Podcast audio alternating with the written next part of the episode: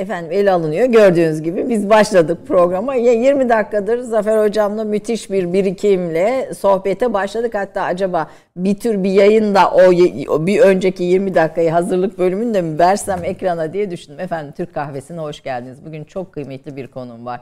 Hocaların hocası bir duayen e, ve kendisi de Tarık Zafer Tuna'ya gibi, Diz Küçükömer gibi e, Türkiye tarihinde iz bırakmış hocalardan yetişmiş ve kendi birçok öğrenci yetiştirmiş. Müthiş bir e, ne diyelim tarihçi mi desek bir araştırmacı, e, sergi kuratörü e, ve Türkiye'nin son 150-200 yılına dair ışık tutan ben ışık diye yazmıştım e, sosyal medyada e, bir e, sizin bir talebeniz güneş gibidir hoca demiş.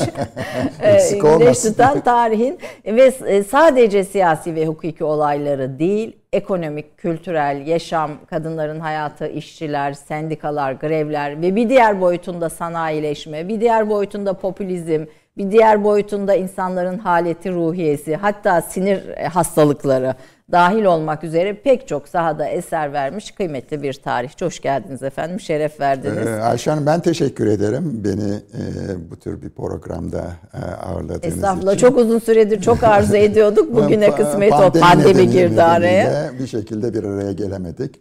E, ancak bu da benim aslında pandemiden sonra demeyeceğim hala devam ediyor ama ikinci böyle canlı yayınım diyeyim yani yüz yüze yayınım hakikaten uzun süre kapandık bir şekilde. Ee, e, o kapanmanın yararları da oldu diyebilirim. Şu önünüzdeki çalışmalar ortaya çıktı. Bu çıktı bu diyelim. daha da geliyor bildiğim tabii, kadarıyla. Tabii, tabii, bu tabii, Türkiye'de çalışma. kadın özgürlüğünün devamı geliyor. Şimdi kapandık dedi. Ben nereye kapandığınızı soracağım. Çünkü orası ile ilgili birçok dostumdan da e, soru aldım. Mutlaka Zafer Hoca'ya sorun. Çünkü Zafer Hoca Türkiye'deki en büyük, en zengin daha doğrusu e, özel kütüphaneye sahip kişilerden birisi ve kütüphaneleriyle çok meşhur.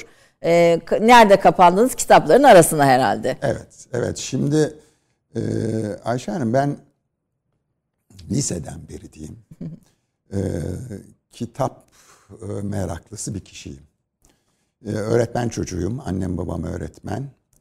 E, bir noktada bizlere e, varlık yayınlarıyla başladık o tarihlerde devamlı okuma telkin ediyorlardı.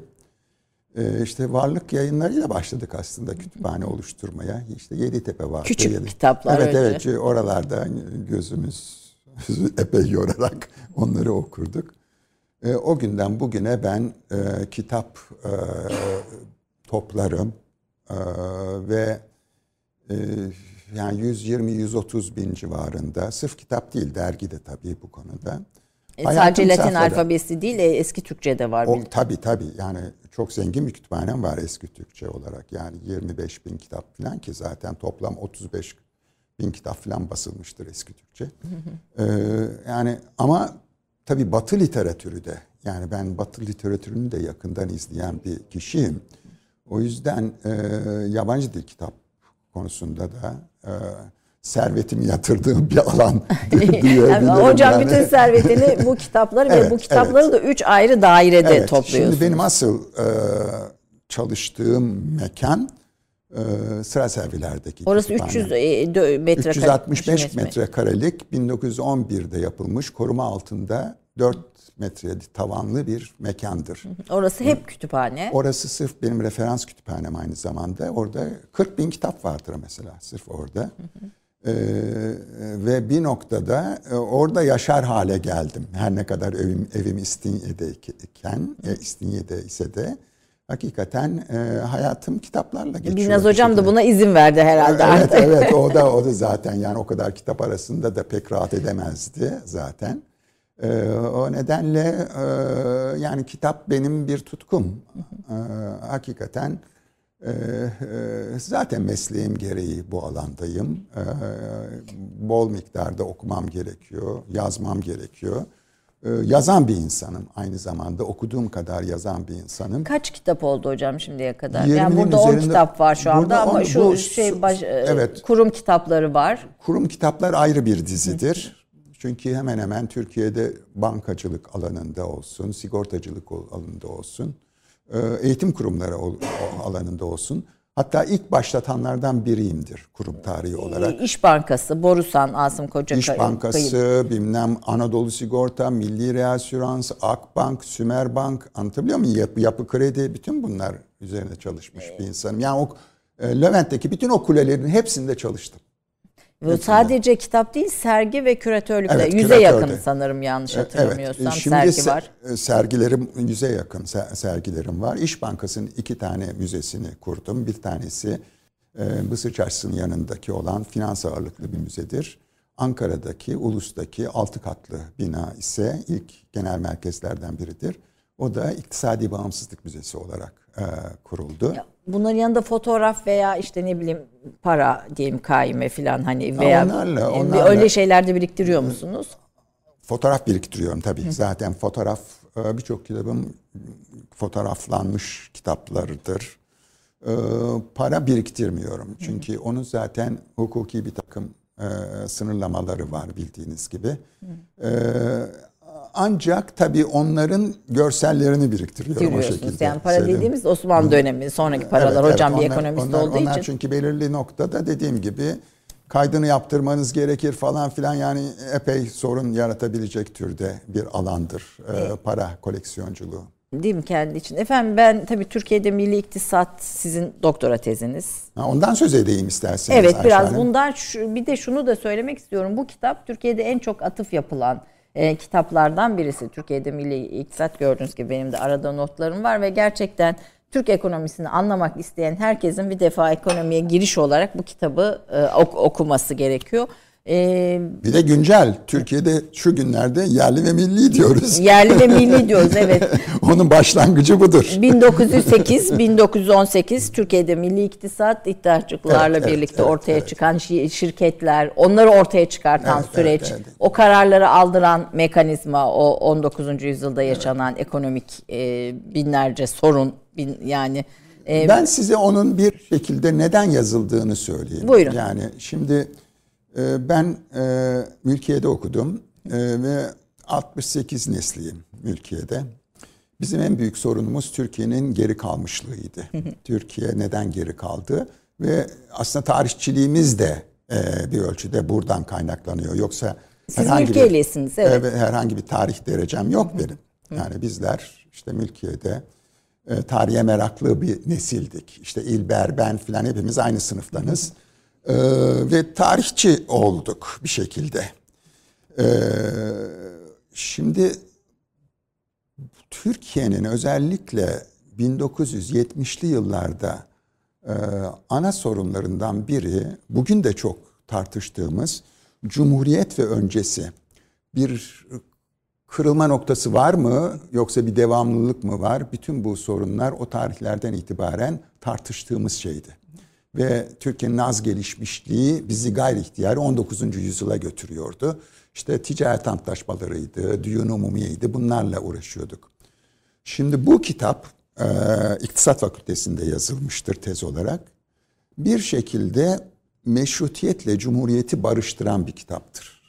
Yani o tarihe kadar çünkü Cumhuriyet kendi tarihini yazıyor idi. Yani bildiğimiz gibi Nutuk'un ilk satırları çok önemlidir. 19 Mayıs 1919'da Samsun'a çıktık diye başlar Nutuk. öncesine dair hiçbir atıf Bir yoktur. şey yok. Ee, oysa tabii Cumhuriyet'in inşasında biz geçmişe epey e, gönderme yaptık. Yani bunu bir şekilde e, gündem dışına tutamayız. Yani Cumhuriyet'in milli iktisadıyla meşrutiyetin milli iktisadı arasında çok yakın bir bağ var. Bunu bir şekilde ortaya koymak gerekiyor. Zaten bu amaçla daha çok daha sonraları 2020 yılında benim yayınladığım Atatürk kitabının alt başlığı gördüğünüz gibi kurucu felsefenin evrimi. Bu kurucu felsefe nereye kadar gidiyor? Tanzimata kadar gidiyor. Yani benim ana işlevlerimden biri tarihçi olarak Osmanlı ile Cumhuriyet arasındaki bağları kurabilmek. Ama aynı zamanda Cumhuriyet'in önemli bir kırılma noktası da olduğunu e, ortaya koymak. E, bunu kurarken özellikle 1900 ile 1923 arasındaki dönemin çok da ele alınmadığını söylüyorsunuz. Tabii. Türkiye'de genellikle batıda da böyledir. Batıda birçok kitap ilginç bir şekilde ya meşrutiyetle 1908 ile biter ya da 1914 ile biter. Yani meşrutiyet kale bile alınmaz. Türkiye'de meşrutiyet dediğiniz vakit uzun zaman Enver Cemal Talat bunlar üzerine kurulu bir efsanevi bir tarihtir. Ama meşrutiyet yılları Türkiye'nin e, toplumsal ve ekonomik yapısının oluşmasında çok önemli bir işlev görmüştür. Yani bir şekilde meşrutiyetle biz barışmak durumundayız. Savaş dönemi oluşu nedeniyle devamlı mesafeli durmayı tercih etmişizdir. İşte iddiatçılar savaşa sokmuştur Türkiye'yi falan. Bu nedenle biz devamlı böyle bir uzak durduk, e, sevmedik, sevdik veya evet. Bir de işte Ermeni sorunu var, şu var, bu var. Bu, bu nedenlerle biz bir şekilde barışamadık meşrutiyet yıllarıyla. Ancak işte 100. yıl nedeniyle bir literatür çıkmaya başladı 2008 yılından itibaren. Hatta şunu söyleyebilirim. İkinci Dünya Savaşı üzerine doğru dürüst bir kitap bile yoktu Türkiye'de uzun yıllar. Biz ancak meşrutiyeti son 10-15 yıl içerisinde keşfedebildik. Ee, bunun başlangıcı da yani benden önce tabii Tarık Zafer Tunaya vardı. O çok önemli meşrutiyet üzerine çalışmalar ortaya koymuştu. Onu bir kenara bırakıyorum. Ama meşrutiyete daha bir e, diyelim çok yönlü bir şekilde bakma çabası e, benim kitaplarımda ortaya çıktı. Zaten burada gördüğünüz kitapların birçoğunun başlangıcı hep 1908'dir. Dikkat ediyorsanız evet. 1908 ile başlar. Ee, yani Türkiye'de popülizm mesela evet, 1908. 1908. Türkiye'de kadın hareketi 1908. Evet. Anlatabiliyor muyum? Yani burada Türkiye'de yine hayat 1908. Yani 1908 benim için önemli bir kırılma noktasıdır. Tıpkı 1923 gibi. O yüzden 1908 ile 1923 arasının özel bir önemi olduğuna inanıyorum ben şahsen. Bu, e, bu e, milli iktisadın ayrıca bir şeyi var. Ve bu kitap bu, bugüne kaçıncı? devam eden birçok kurumun yani kurumun, yapının, sisteminde aynı zamanda temellerini burada tabii, görüyorsunuz. Tabii tabii. Yani Türkiye'nin yani daha doğrusu Türkiye'nin sanayileşmesinden tutun yani bir ölçüde kalkınma sorunlarının falan tartışıldığı bir evredir milli iktisat. O açıdan önemlidir. Ve e, çok tutuldu Milli İktisat kitabı onu söyleyeyim. Bilmem çok referans baskı. yapılan bir kitap. Hatta şu sırada iki ayrı baskısı e, piyasada var. Hem Doğan'dan çıkan hem İş Bankası'ndan çıkan baskıları e, var.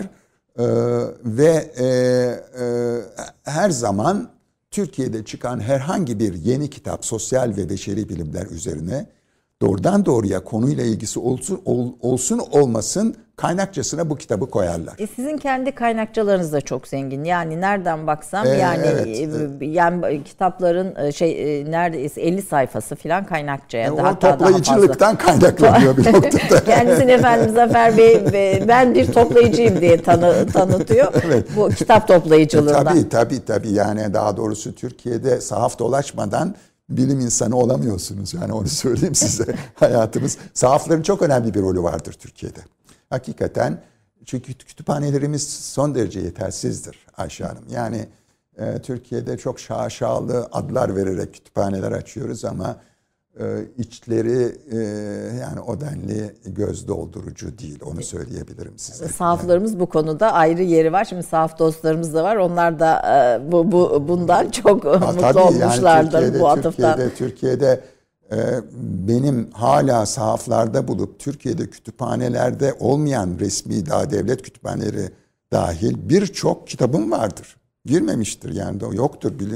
Çünkü Türkiye'de e, hakikaten kütüphanecilik e, üvey evlat e, işlevi muamelesi, görmüştür. Muamelesi yani, görmüştür. E, bu arada tabii sahafların herhalde en iyi müşterisisiniz de yani bu arada. Tabii. Eskiden çok daha yani daha doğrusu artık bulamıyorum. Çünkü hakikaten toplamamı yaptım gibi geliyor bana. Anladım. Yani, bir servette yatırdınız bildiğim kadarıyla. E, tabii hayatım yani ben e, bütün bu projelerden, e, kurum tarihlerinden olsun, sergilerden olsun bütün kazancımı kitaba yatırdım ve kitapla birlikte e, konutlara yatırdım yani. Onları muhafaza ettiğim mekan, mekanlara yatırdım efendim. diye düşünüyorum. Şimdi bir sürü başlık var. Ben tabii nereden başlayacağımı bilemedim. Bir defa detay olarak ilgimi çeken birçok konu var. E, fakat e, isterseniz Türkiye'de popülizm, milli iktisattan, ekonomiden söz ettik. Popülizmden biraz başlayalım. 1908'de niye başlatıyorsunuz Şimdi, Türkiye'de popülizmi? E, tabii yani o Türkiye'de popülizm kitabı aslında o milli iktisadın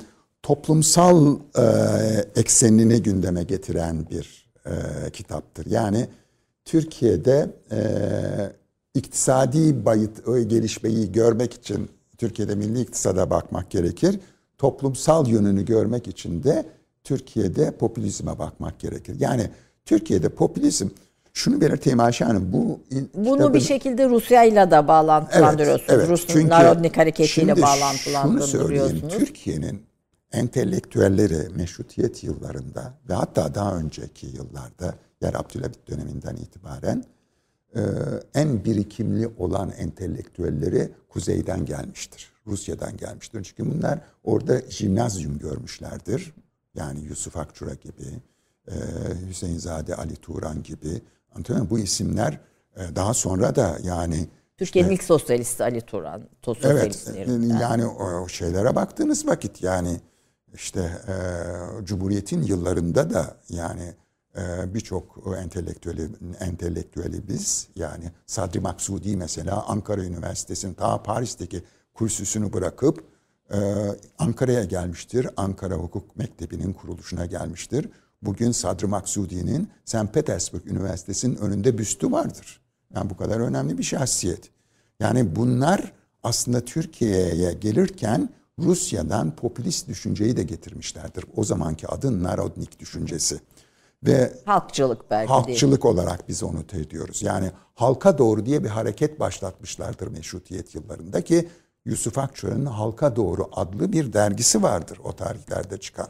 İşte bizim bu halka doğru hareketi bizim ulusçuluk anlayışımızı, milliyetçilik anlayışımızı şekillendirmiştir. Bunun en önemli savunurlarından biri Yusuf, e, Ziya Gökalp'tir. Onu unutmamak gerekir. Yani özellikle Selanik'te şimdi iki tane eksen vardır. Bu açıdan bu kitapta onları ele alıyorum. Türkiye'de halkçı düşüncenin gelişmesi bağlamında. Bunlardan biri Selanik kökenlidir. Bu Fransız etkisi altında Fransız sosyolojisinden etkilenmiştir. O Durkheim'dan falan etkilenmiştir. İkinci dalga ise Rusya'dan gelmiştir. İki ayrı e, milliyetçilik akımı e, Cumhuriyete kadar e, tartışılmıştır, git gel halindedir. Yani Fransız nasyonalizmine yakın bir nasyonalizm ise ile Rusya'daki ki Rusya'daki daha böyle e, ırk sorunlarına falan da değinen daha Alman modeli dediğimiz yani Fransız modeliyle Alman modelinin e, bir ölçüde gitgelleriyle biz Cumhuriyete ulaşmışızdır. Ziya Gökalp bu ikisi arasında git, e, devamlı gidip Ziya, gelmiştir. Ziya yani. Gökalp araya bir de maşeri vicdan diye bir şey koyuyor tabii. Tabii tabii. tabii. O, o önemlidir. Yani maşeri vicdan daha böyle Fransız e, milliyetçiliğinin, millet anlayışının kökenlerinde olan bir e, şeydir. Ama e, bu süreç aslında bizi Cumhuriyete kadar getirdiğini söylüyorum. Cumhuriyette de bu gitgeller oluşmuştur bir ölçüde. Ama Cumhuriyet daha bir Fransızdır. Onu söyleyeyim. Çünkü e, Türkiye'de Fransızcanın çok önemli bir yeri vardır. Onu söyleyeyim size.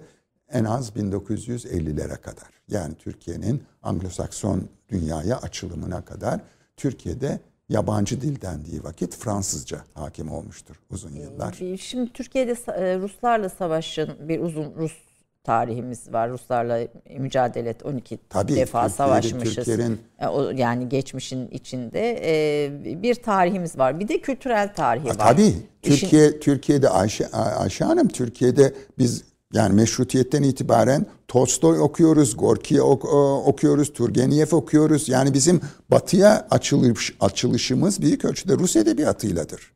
Çünkü Rusya ile olan ilişkilerimiz bizim e, yani soğuk savaş nedeniyle mesafeli kalmıştır daha sonra ama benim dedem tüccar. Benim dedem sürekli Rusya'ya gidip gelen Kürt ticareti yapan bir kişi. Yani hatta bizim Bahçesaray'da, Kırım'da e, bir evimiz var yani düşünebiliyor musunuz? Yani bu denli içli dışlıyız o tarihlerde. Ta biz ve Türkiye'nin en fazla antlaşma yaptığı, barış antlaşması yaptığı ülke de Rusya'dır onu da söyleyeyim. Yani ee, yani Türkiye'nin bir taraftan savaşıyoruz ama öbür taraftan da iç içeyiz. Çünkü özen, önemli bir Müslüman nüfus var. Ee, bir kültürel Rusya. bağlar Tabii var. Tabii o yani önemli entelektüel bu cedidizm falan hepsi Rusya topraklarında oluşmuş durumda. Anlatabiliyor muyum? Yani bunu göz ardı edemeyiz. Yani biz 1700'den itibaren İstanbul Anlaşması ile ilgili devamlı bir takım barış antlaşmaları yapmışız.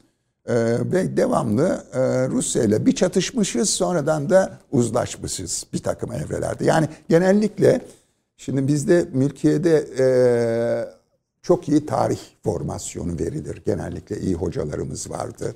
Türkiye'de e, Ahmet Şükrü Esber gibi, Fahir Harboğlu gibi hocalarımız. Mehmet Gönlübol gibi. Şimdi üçe ayırırlar genellikle Türk-Rus ilişkilerinin gelişimini. İlk evre aslında bu çatışma evresi bizi Cumhuriyete kadar getirir. Cumhuriyette bildiğiniz gibi 1921'de e, bir 20 Moskova, Moskova Anlaşması'yla Anlaşması. birlikte yeni bir evre başlar. Bu 1939'a kadar devam eder. 39'da Türk Rus Alman Hitler'in özellikle Stalin e, anlaşmasıyla mesafe konmaya başlanır ve ama özellikle 1900 İkinci Dünya Savaşı'na Türkiye'nin girmemesi tabi Rusya'nın bizim üzerimize gelmesine neden olmuştur. Nitekim 1939'da 52 arası yani bizim NATO'ya giriş girdiğimiz evreye kadar Türkiye'nin üzerinde önemli bir e, Sovyet-Rusya baskısı vardır. Tıpkı bugün Ukrayna'da olan gelişmelere benzer bir baskı süreci ya Bugün o yıllara 1930'da 30'dan sonraki o yıllara 39 tabii tabii 30. tabii yani çok büyük baskı gelmiştir ve biz bir şekilde Batı'nın kucağına atlamışızdır. Yani bildiğiniz gibi İkinci Dünya Savaşı'ndan sonra Truman doktrini arkasından Marshall, Marshall planı, planı evet. bütün bunlarla sonradan da 52'de NATO. NATO bir ölçüde bizi güvence altına almış bir süreçtir. Bunu bu şekilde bakmak ee, gerekir. Ondan sonra yeni bir dönem daha doğrusu ondan sonra demeyeyim, NATO'dan sonra demeyeyim. Stalin, Stalin'in ölümünden sonra, 53'ten sonra tekrar ilişkiler farklı bir doğrultuda gelişmiştir daha uzlaşmacı bir ilişki içerisinde olmuşuzdur Rusya'yla. Bir Kruşçev filan. Hani Ve tabii bu süreç içerisinde Rusya'nın tabii Türkiye'nin endüstri, endüstrileşmesinde, sanayileşmesinde önemli katkıları Şimdi, olmuştur. E, bir entelektüel olarak yani Türk popülizminin dayandığı kaynaklardan birisi Rus Narodnik Hareketi. Hareketi evet. E, entelektüeller Rusya'dan çok etkilenmişler zaten. ilk sosyalistler ilk şey hareketleri de var ama öbür sırf sosyalistler değil, milliyetçiler de oradan. Yani bunlar yani e, baktığınız vakit bu insanlar Yusuf Akçur'a evet sola yatkın bir düşünce düşünürdür ama milliyetçiliğin e, Türk Tarih Kurumu'nun ilk başına geçen kişidir. Yani bunları bir şekilde yani sosyalizmle nasyonalizm aslında e, düşman kardeşlerdir. Anlatabiliyor muyum? Yani çok iç içedir bunlar Türkiye'de uzun bir süre. O yüzden iddiaçıların bir kısmı da gene daha sonra iddia e, sosyalist olmuşlardır. E, hatta milli mücadelenin kuruluş yıllarında çok bu tartışılmıştır. Yani bir noktada biz mesleki temsili mi temsil edeceğiz yoksa genel seçimi mi yapacağız? Mesleki temsil demek Rusya'daki modelin farklı bir versiyonudur o tarihlerde. Yani bu ilişki ağını biz tabii e, e, şimdi iki önemli kaynak var bizim düşünce dünyamızda. E, bunlardan biri Fransa'dır kuşkusuz. Yani özellikle e, Frankofon oluşumuz nedeniyle Türkiye Frankofondur 1950'li yıllara kadar.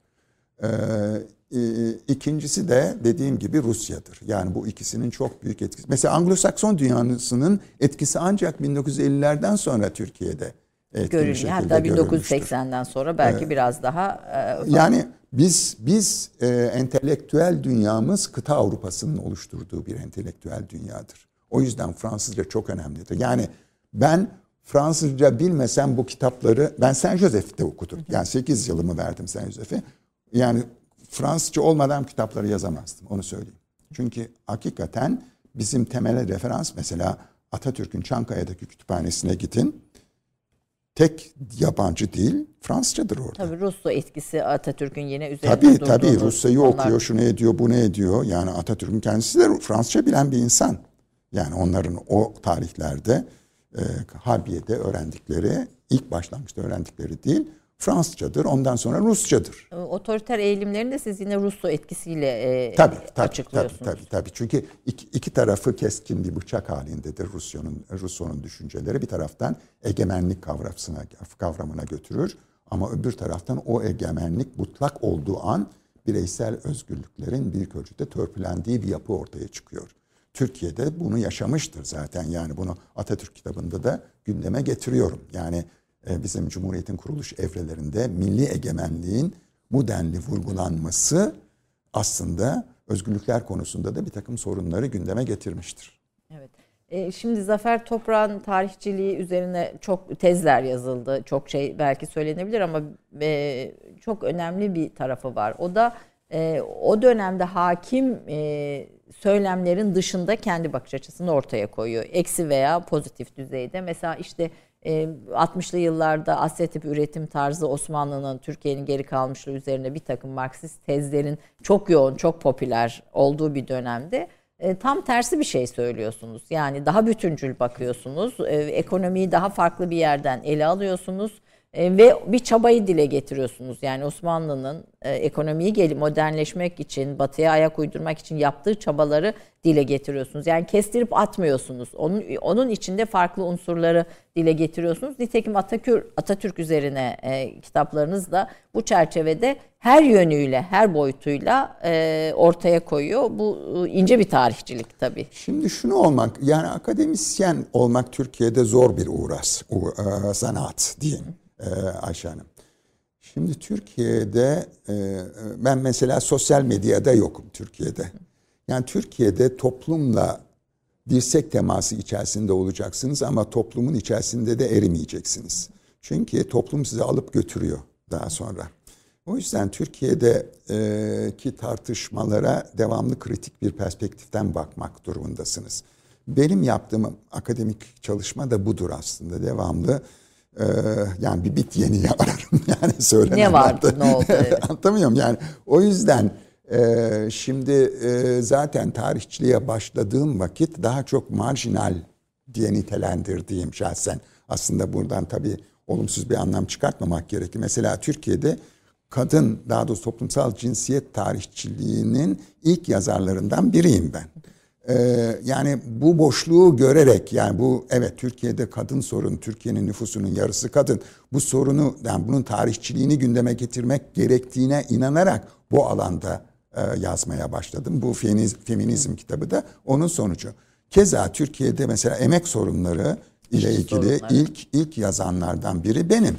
Yani Şöyle. bunu yani akademik bağlamda. Şöyle göstereyim. Evet, Türkiye'de işte müthiş resim de çok çarpıcı bunun kapağındaki. Evet, evet, bu da sizdeki evet. orijinal fotoğraflardan evet, evet, mı? Evet bu cam üreticimin cam cam sanayindeki insanın halini görüyorsunuz. Kaburgaları çıkmış bir insan. Evet. Evet.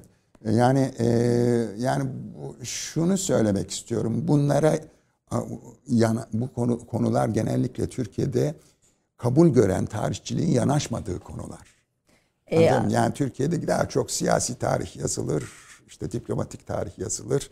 E, onları da yeterince okudum ben mülkiyede. O yüzden onlara pek girmiyorum şahsen. E, ama kritik etmeniz yani her e, konuyu kritik etmeniz e, de önemli. İnce ve ince işçilikli iş, işler ortaya koymanız bizim için e, müthiş bir şey e, ne diyelim bir hazine aslında. Çok sağ olun. Çok müthiş sağ bir hazine. Efendim e, şimdi işçi sınıfı var, grevler var, e, kadın meselesi var. Çünkü 1908 kadının çökmeye başladığı e, yıldır diyor. Kadınla ilgili sinir buhranları var, ruh hekimleri var. Görücü usulüyle evlenmenin evet. kalktığı bir dönem var. Hamamlar var. Rus kültürünün Türkiye'ye gelmesi var. Şimdi öndeki konuları ben size sayıyorum ırk araştırmaları var. Türkiye evet, tarih evet. tezi bir Türkiye evet, özgü evet, bir evet. tarih tezi. Antropoloji. Antropoloji var bütün bunların içinde. Ee, ilk grevler var. Grevlerin sonra yasaklanması var. Özgürlükleri bir hep bir veriyoruz sonra bir tekrar e, geri evet. alıyoruz. Yani artılarını eksileriyle birlikte yani gerek e, Osmanlı'nın son dönemini gerek Cumhuriyeti biz e, yani bütüncül olarak baktığımız vakit tabii artıları görüyoruz, eksileri de görüyoruz. E, mesela Rusların entelektüel dünyamıza etkisini konuştuk. Rusların bir de e, e, ne diyeyim eğlence dünyasına etkileri var. E, tabii. Hayata yaşama etkileri var. Bir reklam arasından sonra gireceğiz ama artık hani ne ne gelirse diyelim önümüze onunla devam edeceğiz. Kısa bir reklam arası efendim. 30 saniye reklam arası. Türkiye'nin tek haftalık haber dergisi Gerçek Hayat, gündemi yakından takip ettiği dosya ve röportajlarıyla her pazartesi okuyucusuyla satış bayilerinin raflarında buluşuyor. Gerçek Hayat artık sayfalardan dijitale taşıyor. Sayfalara sığmayan yazılar, röportajların perde arkası, interaktif içerikler. Gerçek Hayat artık size daha yakın. Tüm içeriklerden ilk haberdar olmak istiyorum diyenler. Gerçek Hayat, GZT'nin sosyal medya hesaplarına davet ediyor. Reklam arası sona erdi. Tarihçi, yazar ve akademisyen Profesör Doktor Zafer Toprak, Mülkiye'nin Diplomasi ve Dış Münasebetler Şubesinden mezun oldu. Yüksek lisansını Londra Üniversitesi'nde, doktorasını İstanbul Üniversitesi İktisat Fakültesi'nde yaptı. Akademik çalışmaları 19. ve 20. yüzyıl Türkiye'si üzerine yoğunlaştı. 30 kitabı ve 250 dolayında makalesi yayımlandı. 1977'de Boğaziçi Üniversitesi Beşeri Bilimler bölümüne katıldı. Minnesota ve Paris üniversitelerinde konuk öğretim üyesi olarak bulundu. Koç Üniversitesi'nde 20 yıl ders verdi. 1992-2013 yılları arası Boğaziçi Üniversitesi'nin doktora programlarının yer aldığı Atatürk Enstitüsü'nün başında bulundu. Boğaziçi Üniversitesi Profesör Doktor Abdullah Kur'an Üstün Hizmet Ödülünü, Osmanlı Bankası Garanti Bankası Bankacılık ve Finans Tarihi Ödülünü, Türkiye Gazeteciler Cemiyeti Sedat Simavi Ödülünü aldı.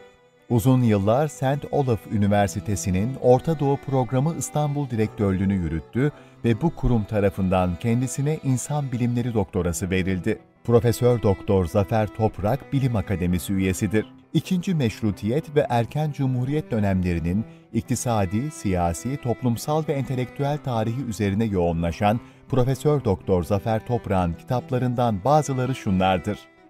Atatürk Kurucu Felsefenin Evrimi, Türkiye'de Milli İktisat 1908-1918, İttihat Terakki ve Cihan Harbi, Savaş Ekonomisi ve Türkiye'de Devletçilik 1914-1918, Türkiye'de İşçi Sınıfı 1908-1946, Türkiye'de Kadın Özgürlüğü ve Feminizm 1908-1935, Türkiye'de Popülizm 1908-1923, Lozan'dan Cumhuriyete İsmet İnönü, Darwin'den Dersim'e Cumhuriyet ve Antropoloji. Son kitaptan başlayalım. Darwin'den Dersim'e, Cumhuriyet ve Antropoloji'den başlayalım. Yoksa Tabii. Rusya kısmını biraz tamamlayalım mı? Ayda, yo nasıl uygun Ha, görürseniz o zaman yani. tamam Rusya kısmını biraz tamamlayalım. Rusya'nın entelektüel etkisinden sanayileşme üzerine etkisini Tabii biraz şöyle diyebilirim yani, Yani iki Cumhuriyet'le ayrı birlikte. devrede. iki Cumhuriyet'le tabii. Cumhuriyeti birincisi Türkiye'nin e, birinci sanayi kalkınma planı sırasında e, Rusya'nın önemli etkileri oldu. E, özellikle dokuma sanayinin kuruluşunda Nazilli'deki basma fabrikası, Kayseri'deki dokuma fabrikası, bez fabrikası bunlar Ruslar tarafından inşa edildi ve e, büyük ölçüde e, teknik kadrolarda onlar tarafından eğitildi. e, Batı bize vermedi mi teknik malzeme kadro Şimdi o, o tarihlerde Türkiye Lozan'ın e, getirdiği e, kimi çözümsüzlükler nedeniyle Türkiye'ye mesafeli duruyordu. Batı aynı zamanda Batı'nın kendi derdi de büyüktü. Çünkü 29 buhranı hala devam ediyordu. Batı bir şekilde buhrandan e, çıkamıyor idi. E, Türkiye de bu buhranı büyük ölçüde yaşadı 29 buhranını ve bir şekilde 1932'den itibaren Celal Bayar o sırada iktisat vekili oldu. Türkiye sanayileşmeye karar verdi. Bu bağlamda Sümerbank kuruldu bildiğiniz gibi. Daha sonra madencilik sektöründe Etibank kuruldu. Türkiye hızlı bir şekilde sanayileşme süreci yaşadı. Bu tarihlerde birçok fabrika Sümerbank'ın bünyesinde kuruldu. Bunların bir dizi teknik donanımı ve fabrikaların bir fiil inşası Ruslar tarafından gerçekleştirildi. Onun öncesinde bir Rus e, bilim insanının gelip Türkiye'de yapılabilecek Tabii, sanayileşecek tabii, tabii. konularda Onların bir kitap tabii. yazdığını tabii, tabii, söylüyorsunuz. Tabii, tabii, tabii. Yani ondan önce bunun araç Ruslar da geldi, Amerikalılar da geldi daha sonra. Türkiye daha programlı diyelim, planlı programlı bir ekonomik modele doğru geçti 1930'lu yıllarda. O evrede Ruslarla olan ilişkilerimiz son derece dostaneydi. Ee, Yani e, o denli ki yani mesela Gorki ölüyor Rusya'da biz başsağlığı diliyoruz Gorki için Ruslara Lenin'le filan. Atatürk arasında yazışmalar tabii, var. Tabii tabii tabii. Ama ikinci dalga daha da önemlidir bana sorarsanız. O 60'lı yıllarda Ürgüplü sırasında, başbakanlığı sırasında aslında e, özellikle Stalin dönemi atlatıldıktan sonra Türk-Sovyet ilişkileri daha bir dostane diyelim. Daha doğrusu uzlaşan bir süreç e, olarak gündeme geldi.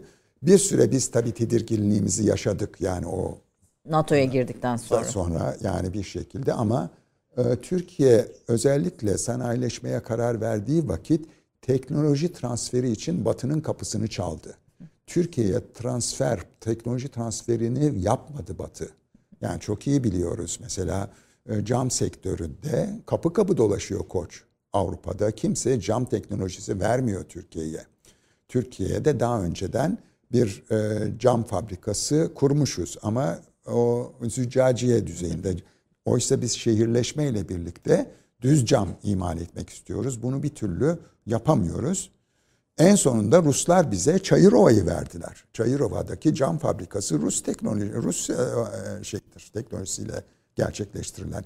Ve tabii o tarihlerde biz birçok fabrikayı e, sanayi kuruluşu Ruslardan aldık. Mesela İskenderun Demir Çelik Fabrikası, e, Ali Ağa'daki e, rafinöri, e, bilmem Seydişehir'deki alüminyum tesisleri, e, Bandırma'daki özellikle e, e, gübre, gübre fabrikası, Artvin'deki e, levha fabrikası, lif levha fabrikası, bütün bunlar e, Oyvapınar'daki şey e, baraj, bütün bunlar Rusların teknolojisiyle biz gerçekleştirdik. Ve 1960'lı yıllarda önemli bir e, sanayi atılımın gerçekleşmesinde Rusya'nın önemli bir yeri oldu. Bunları göz ardı edemeyiz. Bir de kültürel yaşama Rusların etkisi var. Özellikle 17 devri, Ekim devriminden e, önce veya sonra o dönem içinde Türkiye'ye gelen beyaz Ruslar meselesi evet, var. Evet o, o tabii o yani günlük yaşam açısından günlük yaşam çok önemli. yani eğlence hayatına evet, evet, tabii, mesela tabii, işte bazı tabii. mekan ev biçimlerini. Yani o çok İstanbul'un günlük yaşam tarzını çok etkiledi ve ee, hakikaten bizde mesela deniz kültürünü Türkiye'ye getirenler yani denize girme çünkü daha önce kapalı e, hamamlarda denize giriyoruz. Deniz kenarına kurmuş olduğumuz erkekler için ayrı, kadınlar için ayrı deniz hamamlarımız vardı. Doğrudan doğruya açık denize girme büyük ölçüde Ruslardan özellikle Florya'da Rus genç kadınlarının filan denize girmeleri bizim erkeklerimiz de seyir için oralara gitmeleri ve böylece deniz kültürünün Türkiye'de de oluşmasına vesile oldu. E tabi burada Atatürk'ün de çok önemli bir rolü var. Çünkü Florya'da bir Denize deniz köşkü yaptı. Evet, evet. kendisi çok fotoğrafları vardır evet. E, denize girerken. Ee, ama tabi bununla birlikte günlük yaşamda da çok önemli.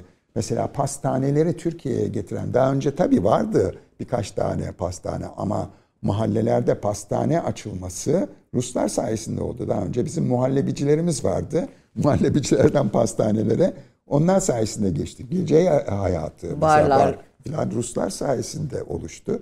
Yani e, önem çünkü Rusya'dan kaçan beyaz Ruslar dediğimiz Ruslar işte Denikin, Rangel'in orduları filan Türkiye'de İstanbul'un dışında başka bir ülke kabul görmüyordu. Yani ver, vize verilmiyordu. Sırf Türkler Türkiye veriyordu o vizeyi. O yüzden hepsi yani 200 bine yakın Rus geçti Türkiye'den. Hepsi İstanbul'da kalmadı. Yani bir süre kalıp tekrar başka ülkelere gittiler. Kalanlar da oldu. Bir miktar kalanlar da oldu. Ee, Bu yani, Pera Beyoğlu bölgesinin ayrışmasında işte Mısır Çarşısı, Eminönü falan o tarafla biraz onların yaşam tarzında ayrışmasında Vallahi tabii Beyoğlu var. yani Beyoğlu kültürü yani Pera Beyoğlu kültürü için Kırım Savaşı'na kadar geri gitmek gerekir. Yani 1850'lere kadar gitmem. Çünkü birdenbire Türkiye'de Batı tür mağazaların, büyük mağazaların açılması, işte Bazar Alman gibi, Leon gibi filan bir takım mağazaların açılması o tarihten itibaren oldu. Yani Türkiye'de çünkü 19. yüzyıl sonunda 120 bin civarında yabancı vardı yani Avrupalı insan vardı. Yani Türkiye e, çok hatta diyebilirim yani rahatlıkla New York'la boy ölçüşebilecek bir kentti İstanbul. Tüccarlar bunların büyük bölümü. Yani, yani yaşayan insan çok vardı. Yani 40'ın üzerinde dil konuşuluyordu İstanbul'da o tarihlerde. Yani Türkiye, İstanbul özellikle son derece kozmopolit bir kentti e, o tarihlerde. Yani o açıdan bakıldığı vakit Rusların tabii her zaman bir etkisi oldu, önemli bir rolü oldu. E, ve bu o, Rusya'daki e, Rus devrimi de önemli bir Rus nüfusun İstanbul üzerinden geçmesine vesile oldu. Ve onların da- da, izleri kaldı. Tabii onun Fakat bir taraftan oldu. da işte sizin Nazım Hikmet'le ilgili de var çalışmalarınız. Mesela Mayakovski'nin intiharı ve Nazım Hikmet makalenizi de okurken dikkatimi çekti. Bir taraftan da komünizm suç. İşte tamam komünizmle mücadele dernekleri 50'lerden sonra Türkiye'nin Truman e, doktrine girmesiyle birlikte filan değişiyor ama onun öncesinde de bu davalar Kemal Tahir, Nazım Hikmet'in hapse girmeleri filan bir komünist fikirleri yayma meselesi yani e, işte okullarda yayıyor filan hani böyle bir suçlama ve Şimdi bakın ondan önce e, Ayşe Hanım e, Rus sanatı Türkiye'ye geldi. Çünkü e, Rus avantgard bir sanat anlayışı vardı. Fütürizmle başlayan, konstruktivizmle devam eden.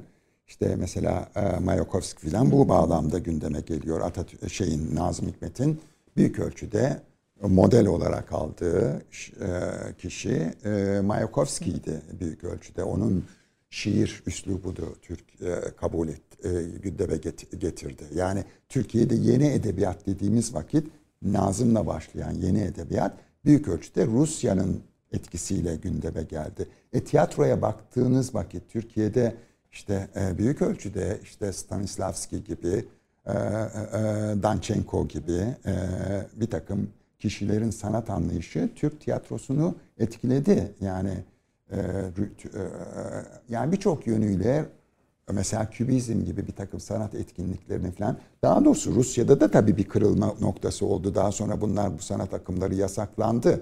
Ama 20'li yıllarda Rus sanatının Türkiye'de önemli etkileri oldu. Tabii bununla birlikte ideolojik olarak da Türkiye'de e, bir e, boyut oluşturuldu. Mesela bu yeni baskısında feminizmin önümüzdeki iki ay içerisinde çıkacak olan feminizmin yeni baskısında bir e, Türkiye'deki Marksist kadınlarla ilgili bir bölüm var. Yani Türkiye'de özellikle aydınlık hareketi 1921-25 arasında kadın yazarlara da yer verdi. Onların da önemli bir yeri oldu. Yani Türkiye'de tabii Marksizm ve komünizm üzerine önemli bir hareket de o tarihlerde oluştu. Ama Türkiye'deki halkçılık anlayışı bir panzehir olarak görüldü e, komünizm konusunda.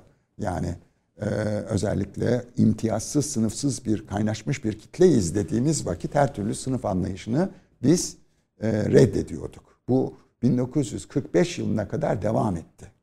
Ve bu dönemde Zekeriya Serteller işte Tabii Nazım onlar, Hikmet davası onlar, Kemal onlar, Tahirler. onlar, onlar büyük ölçüde o tarihlerde bir şekilde e, aslında tabii yani Sertellere falan baktığınız vakit onlar büyük ölçüde demokrasi mücadelesi veren bir insanlardı. E, yani onları göz ardı etmemek gerekir onların söylemlerinde. Çünkü Türkiye'nin demokrasi konusunda da bir takım sorunları vardı. İki Dünya Savaşı arasında. Ama Türkiye'de tabii o tarihlerdeki rejim, bütün bu devrimlerin gündeme geldiği rejim aynı zamanda e, bir ölçüde otoriter bir yapıyı da beraberinde getirmişti. Yani o otoriter yapının yargıladığı birçok entelektüel oldu. Sizin belirttiğiniz Kemal Tahir'den tutun Nazım Hikmet'e kadar, Sertellere kadar bunlar da belirli ölçüde mağduriyet kapsamında ele alınması gereken e, düşünler, e, yazarlar, çizerler yani oldu. suçlamalar hep komünizm davasını e, Den başladı, başladı. tabii başladı. Ee, o, tarihte romantik bir komünist hareket de vardı Türkiye'de. Yani 1 Mayıs'ta broşürlerin dağıtılması falan şeklinde o tür hareketlerde vardı. Ee, ama bu hareketler aynı zamanda Türkiye'de aydınları da e, bir kurumun yanında yaş da e, e, yandı. E şimdi Ankara Üniversitesi'ni düşünün, Dil Tarih Coğrafya Fakültesindeki tasfiyeleri düşünün. Ee, Ömer işte e, Beyce Boran'dı, M- Niyazi Berkes'ti. E, Sabahattin. Ali cinayeti Evet, diyelim. filan. Mesela Evet, Sabahattin Ali'nin bütün o öldürülmesi. tarihlerde e, büyük ölçüde e, Şevket Aziz Kansu'nun filan rektörlükten istifa ettirilmesi filan bütün bunlar aslında yani Dil Tarih Coğrafya Fakültesi'nin altın dönemi yani 10 yıl sürdü. Yani 20 36'dan 46'ya kadar ondan sonra e, önemli ölçüde mağduriyetler yaşandı. Yani Türkiye'de tekrar e, 61 Anayasası'yla birlikte daha geniş bir özgürlük anlayışıyla birlikte Türkiye'de tekrar sol ortam tekrar oluştu ama o tarihe kadar Türkiye'de önemli ölçüde dar bir oluş e, süreç yaşandı Türkiye'nin erken döneminde. E, bu Rusya meselesini bitirip şu e, Türk tarih tezine Atatürk'ün antropoloji evet, merakına evet. gelmek istiyorum. E, sadece bugünle bu Ukrayna-Rusya olaylarını izliyorsunuzdur e, e, elbette. Bugünle bir bağlantı kuruyor musunuz? Yani geçmişte bizim yaşadığımız dönem 39'lar dediniz ama 39 Evet yani Türkiye e, zor bir dönem yaşadı. Yani onu söyleyeyim 39'dan itibaren. E, çünkü biz 1925 yılında e, bir dostluk ve tarafsızlık anlaşması imzalamıştık evet. e, Rusya ile. Bu 10 yıl sonra yenilendi. Bir 10 yıl sonra 1945'te Rusya belirli tavizler koparmak koşuluyla ancak yenileyebileceğini söyledi. Onların arasında Boğazların ortak savunması ve aynı zamanda doğuda Kars Ardahan, e, e, Artvin gibi coğrafyanın tekrar o zamanki Sovyet Cumhuriyetleri olan işte Gürcistan ve Ermenistan'a terki e, koşulunu ileri sürdüler. Biz tabii bunu reddettik. Bir şekilde bunu e, kabullenmedik. Yani kısacası özellikle İkinci Dünya Savaşı'nda Türkiye'nin savaş dışında kalışının e, bir şekilde Rusya'ya önemli bir maliyeti olduğu gerekçesiyle e, Türkiye Yalta'da... Stalin Türkiye'yi savaşa zorladı aslında tabii, orada. Tabii zorladı. Batı da buna göz yumdu büyük ölçüde. Ee, İnönü sayesinde aslında biz bu savaşın dışında kaldık. Ama daha sonra Yalta'da görüşmeler sırasında Türkiye Rusya'nın payına düştü. Yani bir noktada Doğu Avrupa ülkelerinde pek ülkeler oluştu ya. Evet. İşte Türkiye'de öyle bir ülke olarak algılandı o tarihte. Bunun mücadelesini Türkiye vermek durumunda oldu ve bir şekilde Truman doktriniyle birlikte Türkiye bir Batı camiasında yani pek o kadar da niyetli değildi Türkiye öyle demokrasiye falan geçme konusunda. Ee, bir şekilde Türkiye o alana yani Batı'nın bir parçası olma e, seçeneğini kabul etmek durumunda kaldı. Ardından işte Marshall Planı geldi. Onun ardından da 52'de e,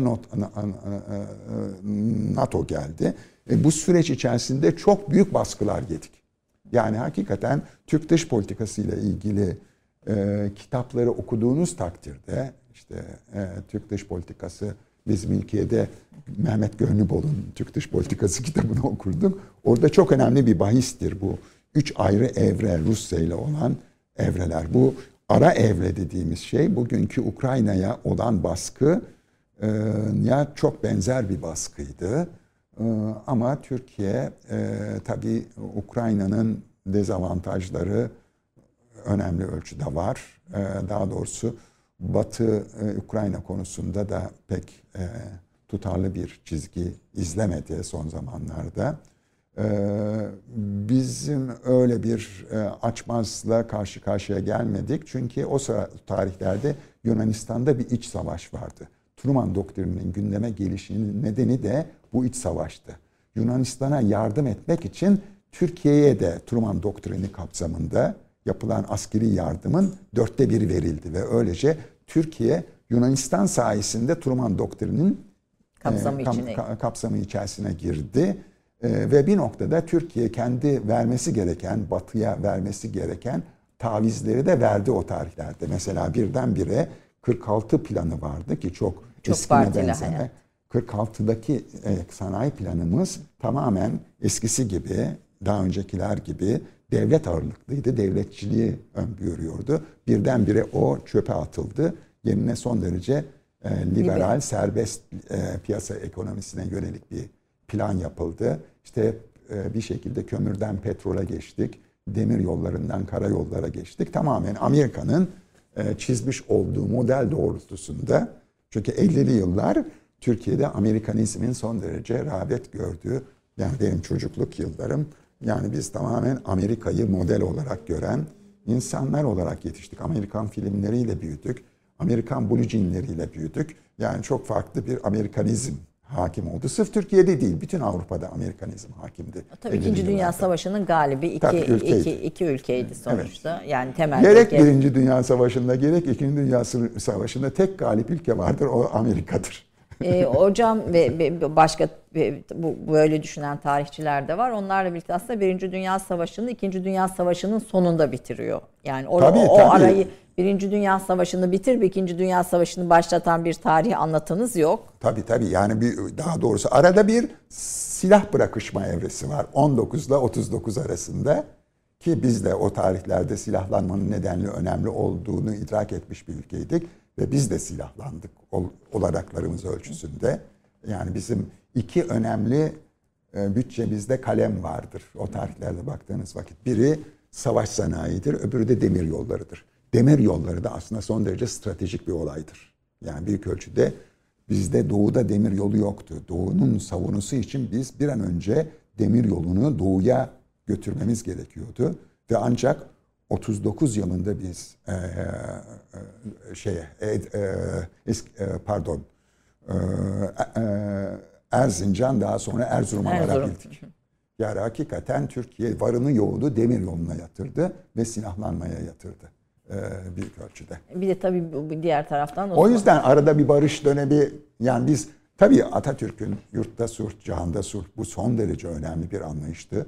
Ve Türkiye barışçı bir ülke kaldı. Hiçbir zaman irredantist olmadığı diğer savaşı kaybeden ülkeler gibi. Çünkü bildiğiniz gibi e, başta Almanya olmak üzere bütün savaşı kaybeden ülkeler irredantist bir politikaya e, saptılar. İki Dünya Savaşı arasında. Türkiye hiçbir zaman bunu böyle bir politikaya sapmadı. Her zaman barıştan yana oldu.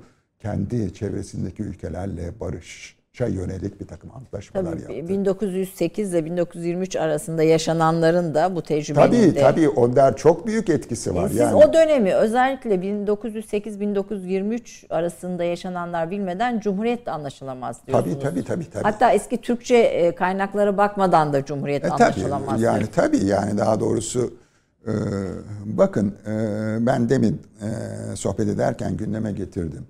E, benim en son eserim burada olmayan e, nutuk üzerine bir eserim. 8 kiloluk bir nutuk hazırladım.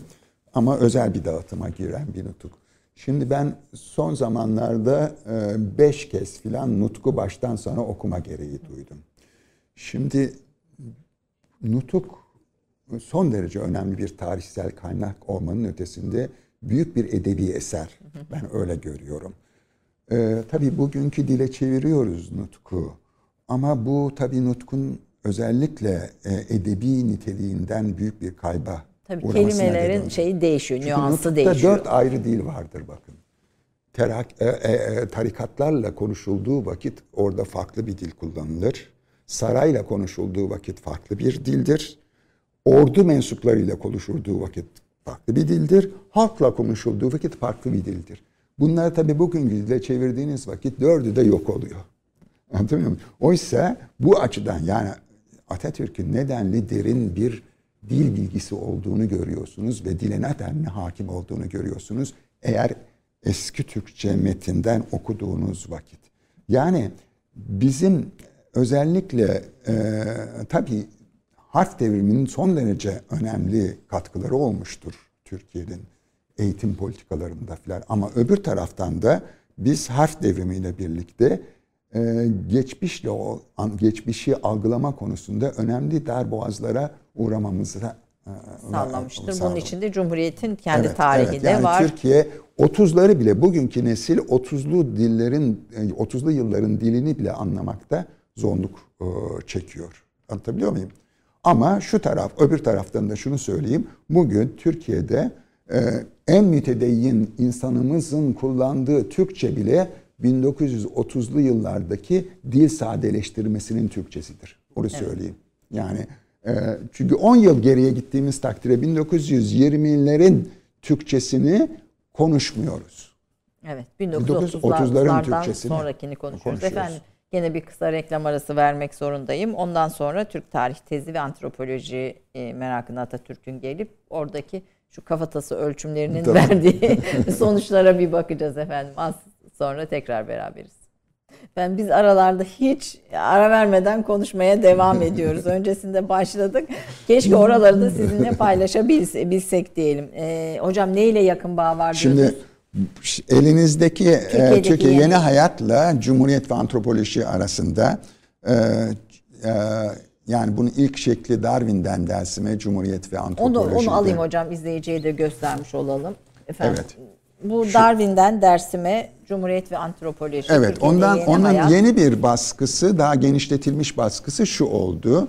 Bunu Cumhuriyet da şöyle ve verelim. Antropoloji. Şöyle bu üç kitabı birlikte e, evet. herhalde izleyiciye Evet, e, gö- göstermekte Şimdi, fayda var. Şimdi şu açıdan önemli. Şimdi Türkiye'de yeni hayat aslında 1920'li yıllarda Başlamıyor. Türkiye'nin gündeme gelen açmazlarını ele alan bir şey.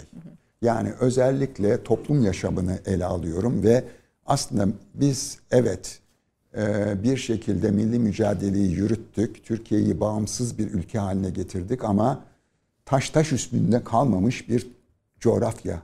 Beşeri sermayesi evet, beşeri kalmamış. sermaye kalmamış ve doğum oranları son derece olumsuz bir düzeyde. Nüfus artmıyor, azalıyor. Çocuk ölüm oranları e, tepe yapmış. %90'lara vardı. Varmış durumda. Bu denli bir şey. Yani hakikaten yaşam umudu yani insanların ortalama ömrü 30'un altında. Müthiş Yani- bir şey. Evet yani bu durumda bir cumhuriyet kuruyoruz biz. Ve bunun e, sorunları 30'lu yıllara kadar devam ediyor. Biz 30'lu yıllara kadar kurucu kadro çok buna da vakit bulamıyor. Belki eylemiyor, hem olmuyor. bulamıyor bir de dünya da son derece olumsuz Buhranlı. gelişmelere. Hem ekonomik buhran var. Türkiye'nin tarım ekonomisi olan Türkiye'nin iklim koşulları çok kötü gidiyor. Ve Türkiye hala Lozan'ın bir takım açmazlarıyla boğuşmak durumunda. Ne zamana kadar? Büyük buhrana kadar. Biz büyük buhranla birlikte çok farklı bir çizgiye gireceğiz. Şimdi büyük buhran sonrasını ben büyük ölçüde Cumhuriyet ve antropolojide Antropolojide anlat. Aslında yeni hayat 1930'a kadar olan buhran. Evet. Şimdi Ya burada onun kad- devamı sayılır bu. Kadınlar e, çok merkezde bu yeni hayatın içinde. Çünkü en tabana vuran da onlar yani, Yani daha taban- doğrusu. mesela ruh hekimlerini bu ruh, ruh Tabii tabii hekimleri- yani her şeyden evvel intihar kadın intiharlarının arttığını çok çok yani yasaklanacak daha sonra. Yani biz Türkiye'de intihar üzerine araştırma yapamazsınız bugün çünkü 28'den itibaren yasaklandı yayını. Anlatabiliyor muyum? Ama o tarihe kadar da izleyebiliyoruz kadın intiharlarını filan. Anlatabiliyor muyum? Fuhuş olayı, olayı mesela son derece yaygın bir şekilde gündemde. Bu fuhuşla ilgili ilk şeyi 1914'lerde galiba çıkartıyoruz öyle hatırlıyorum. Bu- Bu genel Mevzuat- evler filan üzerine Şimdi, ilk evet mevzuat. mevzuat öyle. Mevzuat ama Türkiye'de e, yani e, 19. yüzyıldan itibaren zührevi hastalıklarla ilgili bir takım mevzuatımız var. Yani Türkiye'de e, genel ev olayı, e, umumhane e- olayı 19. yüzyılla birlikte gündeme geldi. Çünkü Avrupalıların özellikle ve Türkiye'deki diyelim tırnak içerisinde seks işçiliği büyük ölçüde yurt dışından geliyordu o tarihlerde. Ve ancak biz Birinci Dünya Savaşı ile birlikte Müslüman kadın da bir ölçüde bu sektörde yer almaya başladı. Rakamları falan veriyorum orada. Veriyorsunuz burada Orada- detaylı ve Evet, çok da e, yani dikkatimi çeken noktalardan çünkü birisi. polis müdüriyetinin rakamlarıdır onlar. Son derece düzgün rakamlardır. Yani öyle herhangi bir şekilde bir gözlemin rakamları değil. Onlar yani o bir Birinci. Dünya Savaşı'nın olumsuz koşulları da Evet, tabii evet, yokluk, evet. yoksulluk. Tabii bütün onlar etkiledi. Onlar etkiledi. Bilmem aile yapıları çözülmüş durumda. Zaten cepheye giden bir daha geri dönmüyor filan. Yani bu denli sorunlarla karşı karşıyayız. Zaten aile kurmak için belirli bir gelir düzeyiniz olması gerekir. O gerçekleşmiyor. Bütün bu faktörler tabii kadını selsefir bir hale sokmuş durumda. O nedenle de büyük ölçüde model yani doğrusu 30, 20'li yılları tamamen kadın üzerinden inşa ettim büyük ölçüde o kitapta. Şimdi Cumhuriyet ve antropolojiye geldiğimiz vakit İşte burada bu, bu bahsi kapatmadan önce inkılap ve travma diyorsunuz. Yani aslında keşke onu başlangıç daha doğrusu yukarıya alsaydım diye düşündüm daha sonradan. Çünkü hakikaten burada bir tarafta inkılap var, öbür tarafta travma var. Yani toplumsal travma var. Yani bunun ikilemin e, nedenli e, e, iç içe geçiştiğini bir ölçüde ele alıyorum bu şeyde. Yani bir tarafta medeni kanunu çıkartıyorsunuz. Bu önemli bir atılım kadın açısından ama kadın öbür taraftan intihar ediyor. Anlatıyor muyum? Böyle bir ikilem içerisindeyiz. Yani bir taraftan aileyi kurtarmak için çaba içerisindeyiz. Ama öbür taraftan ailenin durumu son derece Mesela kürtaj oranları çok. Tabii, Çocuk tabii, düşürme oranları. Bunu yaparken sağlığını yitiren kadınların. Tabii, yani çok kadın yani. sağlığının yerlerde de olduğu her Tabii anlamda. her anlamda, her anlamda. Yani Türkiye'nin aslında 20'leri çok zor bir dönem. Bunu bir şekilde biz okutmuyoruz. Yani ders kitaplarımızda sırf devrimlerden söz ediyoruz ama bir noktada Türkiye'nin toplumsal yapısındaki çöküntüyü de ele verebi ele alabilmemiz gerekir 20'leri ele aldığımız vakit. Ee, şimdi ama buradan kurtuluş aslında 30'lu yıllardır. Antrop, o- bu bu travma, Evet, e, oradan inkılaplar, oradan sonra yeni bir insan tipi inşa Evet, ettiriyor. evet. Yeni insan diyoruz Yani bir ona. beşeri sermayesi yok. Evet, Nü- evet. Nüfus artırma politikaları başlıyor ve kadın tekrar bu sefer başrole e, Evet, geliyor evet, evet. ve Ya- bir toplumu kurtarma misyonu. Evet, bir evet. kahraman Tamamen, tamamen e, bilim de araçsal, araçsallaştırıldığı bir evre aslında birçok yönüyle. Aslında tabii bilim her zaman e, e, yatsınabilen bir husus. Yani e, Türkiye'de çok eleştirilir 1930'lu yıllar birçok yönden. Türk tarih tezlerinden tutun da işte antropolojisine kadar. Ama bilim ancak bu tür eleştiriler sonucunda bir yere varabiliyor. Yani bu kademeleri. Yani Türkiye'de mesela Dil Tarih Coğrafya Fakültesi kurulması son derece önemli bir adımdır Türkiye'de bilimin gelişmesi bağlamında. Ankara Dil? Tarih Coğrafya. Ve onun da omurgasını aslında antropoloji oluşturmuştur. Yani antropolojiden yola çıkarak bölümlerin bir şekilde e, planlanması, programlanması olmuştur. Neden? Yani şimdi bir yeni insan yapılıyor, kadın ama bir taraftan da bir Türk insanı e, tanımlanıyor. At- Afet İnan'ın işte İsviçre'de, Zürih'te bir hocasından e, aldığı ders Atatürk'e anlatması burada bir köken olarak gösterilir ve Türkiye'de bir Türk ırkını araştırma dönemi başlıyor. Buyurun. Tabii şöyle diyeyim ifade edeyim. Şimdi biz evet Lozan'da e, Türkiye barışı gerçekleştirdi. Milli mücadeleyi e, başarıyla sonuçlandı. Ama Batı'nın Türkiye'ye bakışı değişmedi. Türk insanı ikinci sınıf bir insan. Hala Türk insanı ana yurduna dönmesi gerekir. Orta Asya'ya gitmesi gerekir. Bu Sarı zihniyet hakim. Türkiye çünkü Avrupalı gibi değil sarı ırka mensup bir ırk Türkler. Bir Bu de tabii şekilde. şeyi daha- Bu ders kitaplarında da böyle. Avrupa'daki ders kitaplarında da bu şekilde okutuluyor. Zaten doktora ders sanırım. Öyle bir derste hocasının anlatımını aktarıyor Afet İnan. Afet İnan onu hayır. Damdösyon'da okurken. Çünkü Görüyor, görüyor. peki. Damdösyon'daki ders kitabında sarı ırk olduğunu okuyor. Alıyor bunu Atatürk'e götürüyor.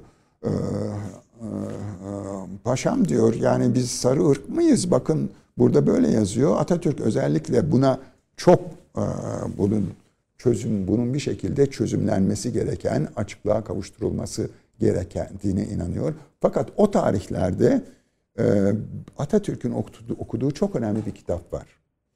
Bu Nutuk'ta da tek bir yabancıdan söz edilir. O da H.G. Wells adlı daha çok böyle kurgu bilim yazarı Yazarı. bir, bir hala filmler televizyonda Gö- gösteriyoruz. Gösterilir evet. Ee, işte görünmez adam falan hep onun evet, filmleri evet. arasında. İlk- ilk Ve bilim kurgunun yazarlarından. e, e, Outline of History, tarihin ana hatları adlı bir kitabı. Bunun Fransızcasını bulmuş Atatürk. Baştan sona okuyor ve bu kitap tarih bilgisinde, Atatürk'ün tarih bilgisinde büyük bir devrim yaratıyor. Çünkü bu kitabı yazan H.G. Wells aslında bir İngiliz, bir İngiliz sosyalisti. Fabian Society'ye mensup bir kişi. Fabianlardan. Ve bu insan emperyalizmden söz ediyor. Oysa o güne kadar pek tarih kitaplarında emperyalizm diye bir konu yok. Ve Atatürk 1927 yılında bu kitabın bir an önce Türkçe'ye çevrilmesi için e, fasikül fasikül kendi elindeki kitabı parçalıyor ve ne kadar Fransızca bilen müderris varsa, bilim insanı varsa bunlara paylaştırılıyor ve bir an önce bunların Türkçe'ye çevrilmesini e, buyuruyor. Ve hakikaten çok kısa sürede 5 cilt olarak bu kitap çıkıyor. Bizim daha sonra Türk Tarih Kurumu'nun kuruluşunda ana işlev görecek kitap bu kitap. H.G. Wells'ın kitabı. Bir de tabii gene başka bir kitap daha var o tarihlerde ki Atatürk'ü çok etkileyecek. O da e, bir ölçüde e, Afet Hanım'ın da doktora hocası Öjen Peter adlı bir antropolog. Onun da iddiası şu, yani Türkler sarı ırk falan değil, bilakis Türkler Avrupa'ya ırk getiren bir unsur. Yani Orta Asya'dan kafatası bağlamında Avrupa'daki e, e, brakisefal e, e, daha doğrusu e, dorikosefal kafa taslarından brakisefal kafa taslarına geçişi sağlayacak göç hareketi Orta Asya'dan Türkiye üzerinden Avrupa'ya gerçekleştirmiş şeklinde bir tezle ortaya çıkıyor. Ve çok önemli bir antropolog Öjen Pitar. Ve bu tezler, bu kitap gene çok önemli bir kitap. Yani Tarih ve Irklar adlı bir kitap. Bu da Atatürk'ün baş ucu kitaplarından biri. Bunu okuyor ve yakın bir dostu aslında Öjen Pitar'ın yakın bir dostu Atatürk'ün Öjen Pitar. Ve bu iki kitap aslında bizim bütün 30'lu yıllardaki e, bilim anlayışımızı oluşturuyor. Bilim evet. felsefemizin bir anlamda evet, yaklaşım. Ve o sayede zaten Türkler birdenbire ırk kavramını bilimsel bir tabana oturtma çabası içerisinde oluyorlar. Ve bundan böyle Türk ırkının yani bir ölçüde fizik antropoloji bağlamında Avrupa ırklarıyla aynı çizgide olduğunu ortaya koyma çabası içerisinde. E, Afet Hanım'ın bu konuda bir çalışması doktorası, var. Doktorası. Doktora var. Tezi Fransızca ilk baskısının ardından Türk e, Dil Kurumu baş uzmanı Agop Martayan Dilçar tarafından e, tanıtıldı. Tanıtımını o yaptı ama Türk Tarih Kurumu bastı bu kitabı. Hatta son zamanlarda tekrar bastı. Çünkü büyük ölçüde devre dışı kalmıştı. E, bu kitap aslında iki kez Fransızca basıldı. Bir kez de 1947'de e, Türkçe basıldı. Türk Tarih Kurumu tarafından Peki, basıldı. ne anlatıyor kitapta? Bizim ha, kitap şunu diyor. 64 bin tane kafatası inceleniyor. Şimdi Türkiye'nin şu farklı yerleri. Şimdi antropoloji e, sayısal bir bilim dalıdır. Yani sayılar üzerine kurulu bir bilim dalıdır. E, ve zaten batıda bilimin e, gelişiminde sayısallaşmanın çok önemli bir yeri vardır. Şimdi Türkiye'de daha önce Türkiye'nin e, e, ırk çalışmaları diyelim. Öjen Pitar'ın daha yapmış olduğu ırk çalışmaları 200 kişi falan üzerinde yapılan e, çalışmalardan bir genellemeye giden çalışmalardı. Ama e, Öjen Pitar'ın yanına doktoraya gittiği vakit Afet Hanım çok büyük bir projeyi gündeme getiriyor ve bunun da ardında tabii Gazi var, Mustafa Kemal var. Yani kimse 64 bin o tarihte bu denli geniş bir antropolojik tetkik yapılmamış dünyada seferber ediliyor Türkiye'de ne kadar jimnastik. 10 il. Evet 10 ayrı bölge. Bölge pardon. Bölgeye ayrılıyor il. bunlar. Ve burada bütün jimnastik hocalarından askerler filan seferber oluyorlar. Ölçümleri özellikle İsviçre'den aletler getiriliyor. Yani böyle kafatası ölçümleri, burun, gö, göz ölçümleri, Tabii burun ölçümleri, ölçüm. dudak. Kemiklerin ölçümleri filan Türkiye'de fizik antropolojinin ne kadar unsuru varsa bütün bunların e, e, ölçümleri yapılıyor ve Devlet İstatistik Enstitüsü'nde de özel bir ekip oluşturuluyor. Bunları istatistiksel anlamlı bir hale getirmek üzere. Ve bu tabi Atatürk'ün emriyle oluyor bu. Ve bu sayede Afet Hanım, Afet Hanım tezini yazmış oluyor. Tezi yazılmış oluyor. Ve burada şunu kanıtlıyor. E, aslında Türkler brakisefal bir e, ırk. Ve bu da Avrupa'daki ırkın benzeri. Bunu koyma çabası içerisinde. Bunu bilimsel olarak ortaya koyuyor. Heh, evet yani ölçümlerle ortaya e, koyuyor. E, burada tabii ölçüler mesela boy ortalamamız 1.65. Tabii onların filan hepsi ortaya ve bugün hala bu bakın Afet Hanım yani yok olmuş bir bilim dalı değildir fizik antropoloji. Daha çok biyolojik antropolojiye dönüştü yani çünkü aslında DNA testleri filan onlarla daha farklı bir e, e, sonuca doğru gidiliyor. Yani Türkiye'de e, hala fizik antropoloji e, anlayışı vardır. E, bu alanda çalışmalar yapılmakta. Kısacası Türkiye aslında e, iki dünya savaşı arasında son derece moda olan ve geniş bir kesimin ilgi alanını çeken fizik antropolojiyi Türkiye'ye getirmiş oluyor ve onda da dünya çapında bir literatür oluşturuyor. Yani Türkiye'nin Batı literatüründe ilk makaleleri yani bilimsel makaleleri sosyal ve beşeri bilimlerde antropoloji makaleleridir. Bunun üzerine. Tabii e, bu, burada bir de Batı'nın e, Batı'da Anadolu'daki Türk varlığının meşruluğu, meşruluğu üzerine dile getirilen yorumların da etkisi oluyor herhalde. Ermenilerin, Yunanların hatta İtalyanların Anadolu'da geçmişlerinin Türklerden daha eski olduğuna dair tarih anlatılarının da etkisi olduğunu tabii, söylüyorsunuz tabii, tabii, tabii. bunda. Türkleri sadece aşağılamıyor Batı tezleri o dönemde Anadolu'daki varlıklarını da e, Tabii tehdit bir de onu ediyor. yapıyor aynı zamanda yani Anadolu e, diyelim Anadoluculuk şeklinde bir hareket zaten var daha önceden gündeme gelmiş. Şimdi e, Türkiye aynı zamanda Türk tarih tezlerini oluştururken aynı zamanda Anadolu uygarlıklarına da bakma gereği duyuyor Eti, ve Sümerler filan e, zaten. ve Türkiye'de yani Türkiye'de çok güçlü bir yeni bir arkeoloji anlayışı oluşuyor. Yani birdenbire biz Türkiye'nin dört bir tarafını kazmaya başlıyoruz. Yani e, öğren yerleri oluşturuyoruz. Türkiye'de tarihçilikle yani e, arkeoloji aynı zamanda eş güdüm içerisinde ilerlemiştir. Türkiye yurt dışına arkeoloji eğitimine çok ünlü şahsiyetleri gönderiyor. Bütün bunlar geliyorlar ve Türkiye'de arkeoloji, bir Türk arkeolojisini inşa ediyorlar. Tabii bu şimdi Batı'yı hayal ederken hep şimdiki şimdiki hali de gerçi tartışmaya açıktı ama yine de işte insan hakları, eşitlik vesaire kavramlarıyla birlikte değerlendiriyoruz. Oysa o yıllarda Batı'da ırkçı teorilerin yükseldiği, Nazizmin zaten yükseldiği bir dönem. E, Türkler ırksal özelliklerinden dolayı medeniyet kurma kabiliyetinden yoksun olarak Onu bütün gazetelerde yayınlanıyor.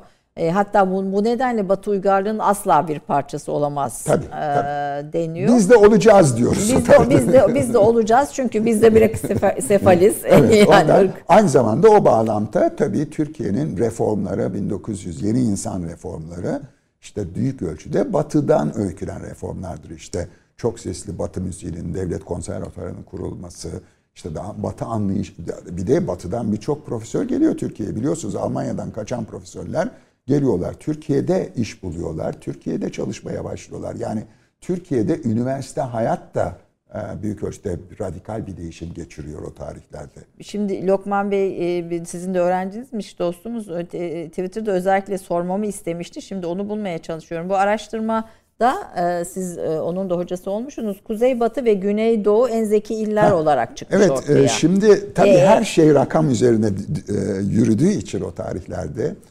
e, Şevket Aziz Kansu Ankara Üniversitesi'nin ilk rektörüdür ve Türkiye'nin Biraz önce de bahsettiğiniz o oyun dil tarihin e, şey Evet, evet. e, Ve aynı efsanevi zamanda kurucularında. Türkiye'nin yurt dışına gönderip antropoloji eğitimi yaptırdığı ilk kişidir.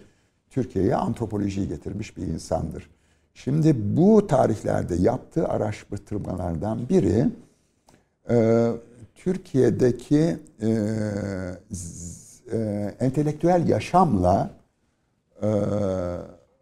Türkiye'deki e, çünkü genellikle bu e, brakisefal olayı zekanın da bir göstergesi olarak ele alınıyor aynı zamanda. Irkçı teorilere Evet, göre. e, bunların arasındaki ilişkiyi kurma çabası içerisinde. O yüzden Türkiye'yi gene bu 10 bölgeye ayırarak bir çalışma yapıyor. Ve en, en, en ilginci Türkiye'de en entelektüel coğrafyanın kuzey batı Anadolu'yla Güneydoğu Anadolu olduğunu ortaya koyuyor. Bir En entelektüel coğrafya Kuzeybatı Anadolu ile Güneydoğu Anadolu. Evet, Birinci, evet. Amasya birinci sırada çıkmış galiba illeri içinde en evet, zeki. Evet, evet. Tabii burada e, Şevket Aziz Kansu'nun başvurduğu kaynaklar büyük ölçüde Türkiye'de o güne kadar yayınlanmış olan literatürde Kitaplar filan. onları yazarlarının nereli doğumlu, ne, doğum yerlerini belirleyip oralardan bir takım.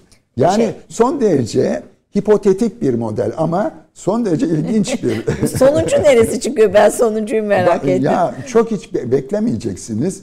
Türkiye'nin güneyi, Bodrum falan en geri kalmış bölge. Bölge olarak çıkıyor. Evet, İnanamadım. Yani tabii o dönemin ko- koşulları yani? Evet. Me- Me- Menteşe Sancağı çok geride bir yer.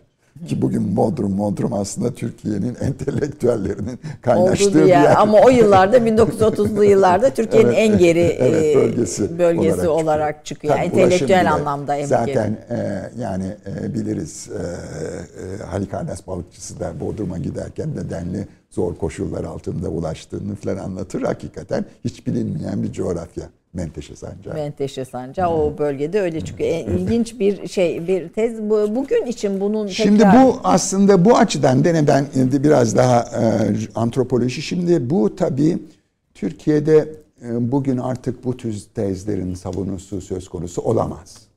Ama Türkiye'de bilimin inşasında 30'ların çok önemli bir yeri olmuştur. Bunu ben ileri sürüyorum. Yani Ve 30'lu yıllarda çünkü şu olmuştur. Sizin yeni insan dediğiniz ki e, bu bütün Avrupa'da da son derece moda o tarihlerde yeni insan olayı.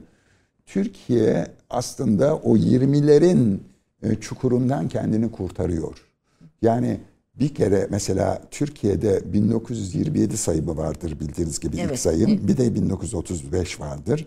Bu iki tarih arasında dünyada nüfusu en hızlı artan ikinci ülke. haline geliyor. Sovyetlerden Nüfus sonra. teşvik politikaları. Tabii tabii evlilik teşvik ediliyor. Onun ötesinde Aile her türlü- yaşamı kutsallaştırılıyor. Tabii tabii, tabii onda ilgili falan yani büyük ölçüde o tarihler e, Türkiye'deki bizim işte e, işte e, aile yapısında önemli bir değişiklik olmaya başlıyor. Çekirdek aile ön plana sürülüyor. E, şimdi büyük, büyük ölçüde işte kendi benim annem babamı falan düşünüyorum. Yani bunlar öyle görücü usulü falan evlenmiş insanlar değil. İkisi de öğretmen. Bir öğret bir o- orta Balıkesir ortaokulunda karşılaşıyorlar, evleniyorlar. Çünkü görücü usulü tartışmaya açılıyor. Ee, Tabii, bir, tabii, tabii. Gazetelerde Bunlar- bir işte aranması gereken özellikler Yani sıralanıyor. Sıralanıyor. Yani e, o açıdan şey çok ilginçtir tabii bu feminizm, kitabım. Çünkü tasdif edilmeye başlıyor. E- e- erkek mesela damat adaylarının tasnifi yapılıyor. Mesela neye göre tasnif ediliyor? Mesleklerine göre tasnif ediliyor. Kim daha çok para kazanıyor kısmı. Öyle çıkıyor aslında sonunda. Yani e, en beğenilen erkek Robert Kolej mezunu bankacı bir erkek çıkıyor. Yani, o- bu, bu anketlere göre değil mi? Evet, anketler. bu 20'lerdeki anket Bu anketler yeni Türkiye'de sahiden çok da eğlenceli bir taraftan okuması da bir Ama, ruhiyeyi anlamak ama gerçekte onun arkasındaki gerçeği de yakalamanız gerekiyor. tabii, yani tabii. bunlar yani gerçek olsun veya olmasın. Demek ki o tarihlerde bir takım insanların tercihleri bu doğrultuda Tabii. olduğunu görüyoruz. Mesela kadınlar için de aynı şey En kadınlarda yapılıyor. en beğenilen kim? Şimdi bir sürü meslek var o tarihlerde. Avukat var, profesör var, şu var, bu var. Yani birçok meslekte kadın var. Bir de ev kızı var, ev hanımı var. Evde hiçbir şey yapmayan, piyanosunun başında müzik çalan bir kadın Yani var. bugünkü gibi temizlikle uğraşan kadın değil, piyano Evet, çalan. evet. Öyle o kazanıyor mesela. İdeal kadın. İdeal kadın yarışmasında anketinde birinci o çıkıyor. o çıkıyor. Yani hala Türk erkekleri evine yani evine kapanmış, hiçbir şekilde sokak görmeyen bir kadın tipini en ideal eş olarak Ama algılıyor. piyanoyla batıya bağlamış, Ha, dünyaya bir taraftan bağlamış. da çünkü evde bir şeyler yapması gerekir. Ona ayrı bir statü vermesi gerekir. O da piyano oluyor. Çünkü piyano aslında Türkiye'de çok yaygın bir şey o tarihlerde. Onu söyleyeyim. Yani Türkiye'de 30'lu yıllardan söz ediyoruz. daha 20, önce de 20'ler. Abdülhamit döneminden itibaren eğer varlıklıysanız evinize bir piyano alırsınız. Yani bizim İstinye'deki evimizde de bir piyano var. Var yani diyorsunuz bir, böyle bir durum var. Bu ki- kitap Ne- servetini ne, ne, izah ne eder. Binnaz çalıyor ne Ayşe çalıyor ama bir piyanomuz var. Var yani o bir şey bir modernleşme tabii, sembolü. tabii bir sembolüdür o yani. Bir zamanlar piyano. Benim gençliğimde ise modernleşme sembolü buzdolabıydı. Yani hakikaten çünkü ancak çok varlıklı kişilerin evinde frijiderler vardı. Ama bizler tel dolabı kullanırdık büyük ölçüde. Birdenbire 61 yılında bizim eve buzdolabı geldi ve salonun baş köşesine kondu, Oldu. o buzdolabı. Buzdolabı süslendi. örtüsü de öyle çıktı zaten herhalde. Dolabın üstüne örtüler falan kondu. Yani hakikaten moderniteyi biz bu şekilde tanıdık. Tabii bu arada Binnaz Hanım'a Binnaz Toprak e, çok da saygı ve sevgi duyduğum bir e, dostumdur, büyüğümdür diyeyim. E, onun annesi de hakim, ilk hakimlerden. Tabii, tabii, ilk Cumhuriyet'in hakimlerdi, ilk tabii, hakimlerinden tabii, yani. tabii, hani tabii, daha onlar e- da- erkenden gelen bir modernleşme rüzgarı var tabii orada. Var tabii. Onlar yani annesi de babası da e, hakim, Hakim, e, tabii, avukat. Cumhuriyet'in ilk dönem hakimlerinden. Onlar, onlar, onlar e, işte ilk onlar işte mesela aile Amerika'yı keşfetmiş ki Binnaz'ı Amerikan Koleji'ne gönderiyorlar. Bizim benim ailem hala Amerika'yı bilmiyor. O yüzden Saint Joseph'e Fransız Lisesi'ne gönderiyor. gönderiyor. O frankofonluk orada aslında kültürel kodlar hani e, şeyi e, ortaya koyuyor. Eğilimleri, dönemleri ortaya koyuyor. Hocam çok çok teşekkür ediyorum. Bu e, işçi grevlerinin e, 1908'de başladığını, sonra Tabii, 1914'te e, çık engellendiğini söylüyorsunuz. Mesela biz bu tarihleri bilmediğimiz için zannediyoruz ki bunlar böyle çok yeni hani e, o kavramlar bizim Ya dünyamızda. 63'te Türkiye'de grev yasallaşıyor onu söyleyeyim size. Yani 1908'de bizim genel grev niteliğinde grevlerimiz var, var ama Türkiye'de grev hakkının tanınması Ecevit zamanında olmuştur 1900. Sonra yasa- ne zaman yasaklanıyor grevler? Şimdi başından itibaren bana soran literatürde biraz o, o yani büyük ölçüde 1908-9'dan itibaren yasaklandı. Grev ya- yasaktı yani Türkiye'de sendika kurmak da yasaktı. Sendikaları ancak biz 1946'da kurabildik. Ondan önce Türkiye'de cemiyetler vardı. Yani daha çok yardım cemiyeti niteliğinde e, cemiyetler vardı ama sendika sözcüğü yasaktı. Yani en başta vardı sendika sözcükleri. Mesela Cumhuriyet'te amele teali cemiyeti diyoruz. Cemiyet olarak ifade ediyoruz. Sendika Kadın değil. amele cemiyeti var onun Evet, evet. öncesinde. Yani e, e, e, yani işçi sözcüğü bile son derece ileri bir atımdır, adımdır. Modern bir geçişe işi ifade. Ondan önce biz amele diyoruz, müstahdem diyoruz, memuri diyoruz. Böyle isimler kullanıyoruz. Yani işçi sözcüğünü biz e, ilk olarak e, iş kanununda 1936'daki iş kanununda kullandık. Daha önce kullanan dergiler var. Mesela Sanayi Dergisi var. Orada da işçiden söz ediliyor. Ama statü kazanması keza 1923'te Türkiye İktisat Kongresi'nde de işçi dendi. O işçi sözcüğünü kullandık. Yani işçinin statü kazanması çok geç olmuştur Türkiye'de. Ee, o da büyük ölçüde işçi devamlı bir tırnak içerisinde muzır bir unsur olarak algılanmıştır. Devamlı toplumsal dengeleri, toplumsal barışı sorgulatan bir unsur olarak algılanmıştır Türkiye'de uzun yıllar. Bu Türk politikasında, siyasetinde de bir bu algı hep bir sürüyor sanki. O biraz da şeyle de bağlantılı. Bu demin konuştuğumuz Marksizm, komünizm ve benzeri. Çünkü yani özellikle- devletin kodları dediğimiz şeyin içinde o Evet, da var. Var tabii tabii tabii. O yüzden devamlı e, temkinli davranmıştır Türkiye çalışan e, kesim konusunda. E, Ee, Sanayileşme tabii sürem de bitmek üzere. Ee, Türkiye'nin ilk sanayicilerinin çok idealist olduğunu söylüyorsunuz. Hemen hemen hepsi üzerine de önemli sanayiciler üzerine eserleriniz var. Ben de Asım Kocabey'in Cumhuriyet'in Evet. Başarı Borsa'nın e, kurucusu. E, onların farkının da böyle çok kısa altını çizmek Valla şu şekilde belirteyim Ayşe Hanım. Yani bu insanlar Türkiye bir yokluk ortamından bir ölçüde devletin de desteğiyle bunlar e, bir noktada birikim, sermaye birikimini sağlamış insanlardır ve o yüzden Cumhuriyete çok medyun insanlardır bunlar. Vehbi Koç gibi işte e, e, Feyyaz Berker gibi insanlar anlatabiliyor muyum?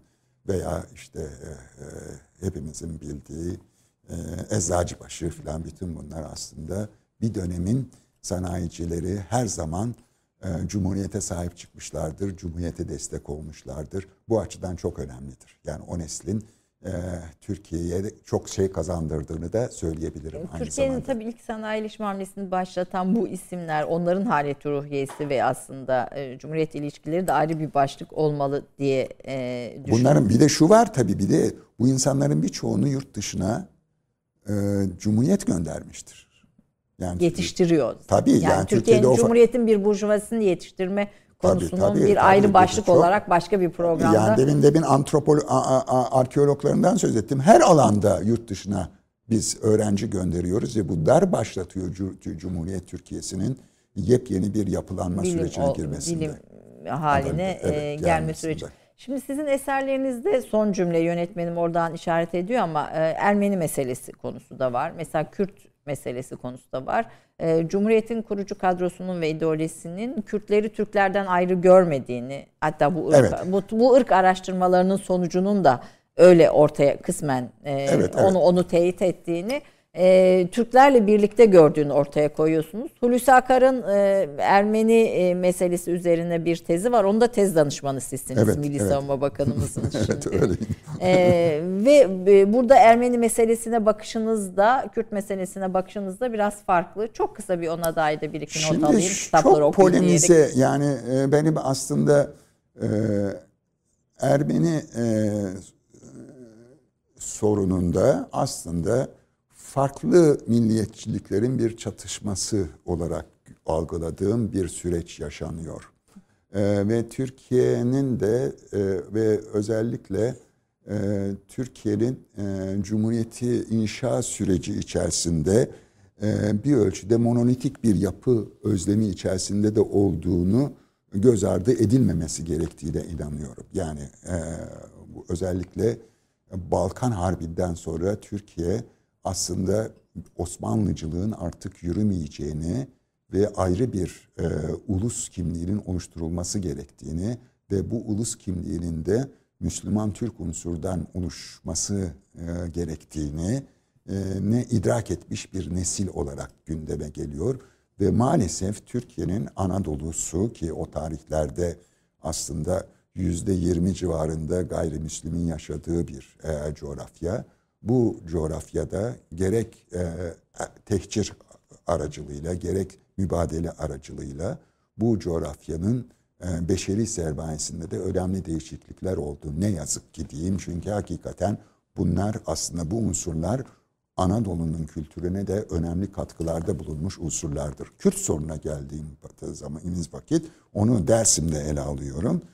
Ee, Türkiye yani aslında... Darwin'den Dersim'e e, evet, Cumhuriyet ve Antropoloji. Evet, orada da şimdi e, Türkiye aslında bir ulus devlet inşa sürecine girdiği vakit Kürtleri Kürtleri kendinden görmüştür ve birlikte bu süreci yürütme çabası içerisindedir. Misak-ı milli sınırlarına baktığınız evet. vakit bütün o Kürt kantonlarını ve işte Kerkük, e, Süleymaniye bütün o coğrafyayı da içerir. Yani bunlarla birlikte hareket edilmiştir e, büyük ölçüde. E, ve çok kaynaşmış iki unsurdur Türkler ve Kürtler. Ama her zaman tabii bir takım azınlık sorunları gündeme gelmiştir. Bir takım başkaldırılar olmuştur. Türkiye'nin özellikle Dersim öncesi işte Ağrı isyanları var. Daha önce Şeyh Said var. Türkiye e, özellikle ulaşım olanaklarından yoksun oluşu nedeniyle bu coğrafyalara yeterince uygarlığı götürememiştir tırnak içerisinde diye e, nitelendirebilirim. Ve bunların da neden olduğu bir takım başkaldırıları olmuştur.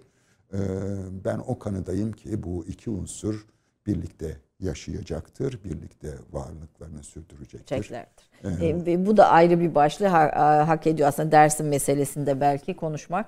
Tabii benim kendi adıma çok daha e, ne diyelim neşeli konular, başlıklar da tabii bu şeyin kitapların içinde e, yer alıyor. Mesela Kadınlar Birliği'nin bir erkek adayı kendilerini temsil için göstermesi. Ama feminist oldu. Yani o dönemde feminist olan bir erkek var. Yani ya, orada ama mevzuat onu gerektiriyor. Mevzu, yani kadınlar, çünkü kadınlar seçilemiyor. Seçme seçilme hakkı yok çünkü anayasaya göre her erkek kişi seçilmek evet, zorunda. Evet, Kadın evet. seçilemiyor. Bu yüzden feminist bir erkek buluyor Kadınlar Birliği. Onu aday gösteriyor. Bunun gibi aslında çok hoş hani e, biraz da bizi gülümseten ve hayatın o evet, dönemki evet, dinamizmini evet. anlatan pek çok olayda kitaplarınızda var. Efendim lütfettiniz, geldiniz. Ben teşekkür ederim ee, beni çok, ağırladığınız çok, için. Estağfurullah, çok şeref duydum. Çok büyük bir e, zevkle dinledim. E, çok çok teşekkür ediyorum. Ben Sağ teşekkür ederim. efendim. Hayatınızda Binnaz Hanım'ın yerini de konuşacaktım ama vakit kalmadı. Buradan selam edeyim hocama izliyorsa çok bizi. Çok sağ olsun, eksik olmasın. yani onun da eminim iki akademisyen olarak Eyvallah. Tabii, tabii. Yani bu kadar velut, bu kadar verimli e, bir akademisyenlik sürecinde onun da katkısını büyük olduğunu düşünüyorum. E, tabii bir de şunu hemen son olarak söyleyeyim. Yani onun gördüğü eğitimle benim gördüğüm eğitim farklı eğitimler. Ben kontinental kıta Avrupası eğitimi gördüm büyük ölçüde. O Anglo-Sakson eğitimi. Bunun çok yararını gördüm şahsen daha sonra. Tartışmalarımızda çünkü devamlı farklı düşünme olanağı buluyorduk bir şekilde formasyonumuz gereği. Yeri. Bunun da katkıları oldu diyebilirim. Evet evet bence bu bu bu verimliliğinizi etki eden faktörlerden birisi de. bir Binnaz Toprak faktörü diyelim efendim. Tekrar evet. çok teşekkür ben ediyorum. Teşekkür ederim. Efendim haftaya bir başka konukta görüşmek üzere. Hoşçakalın.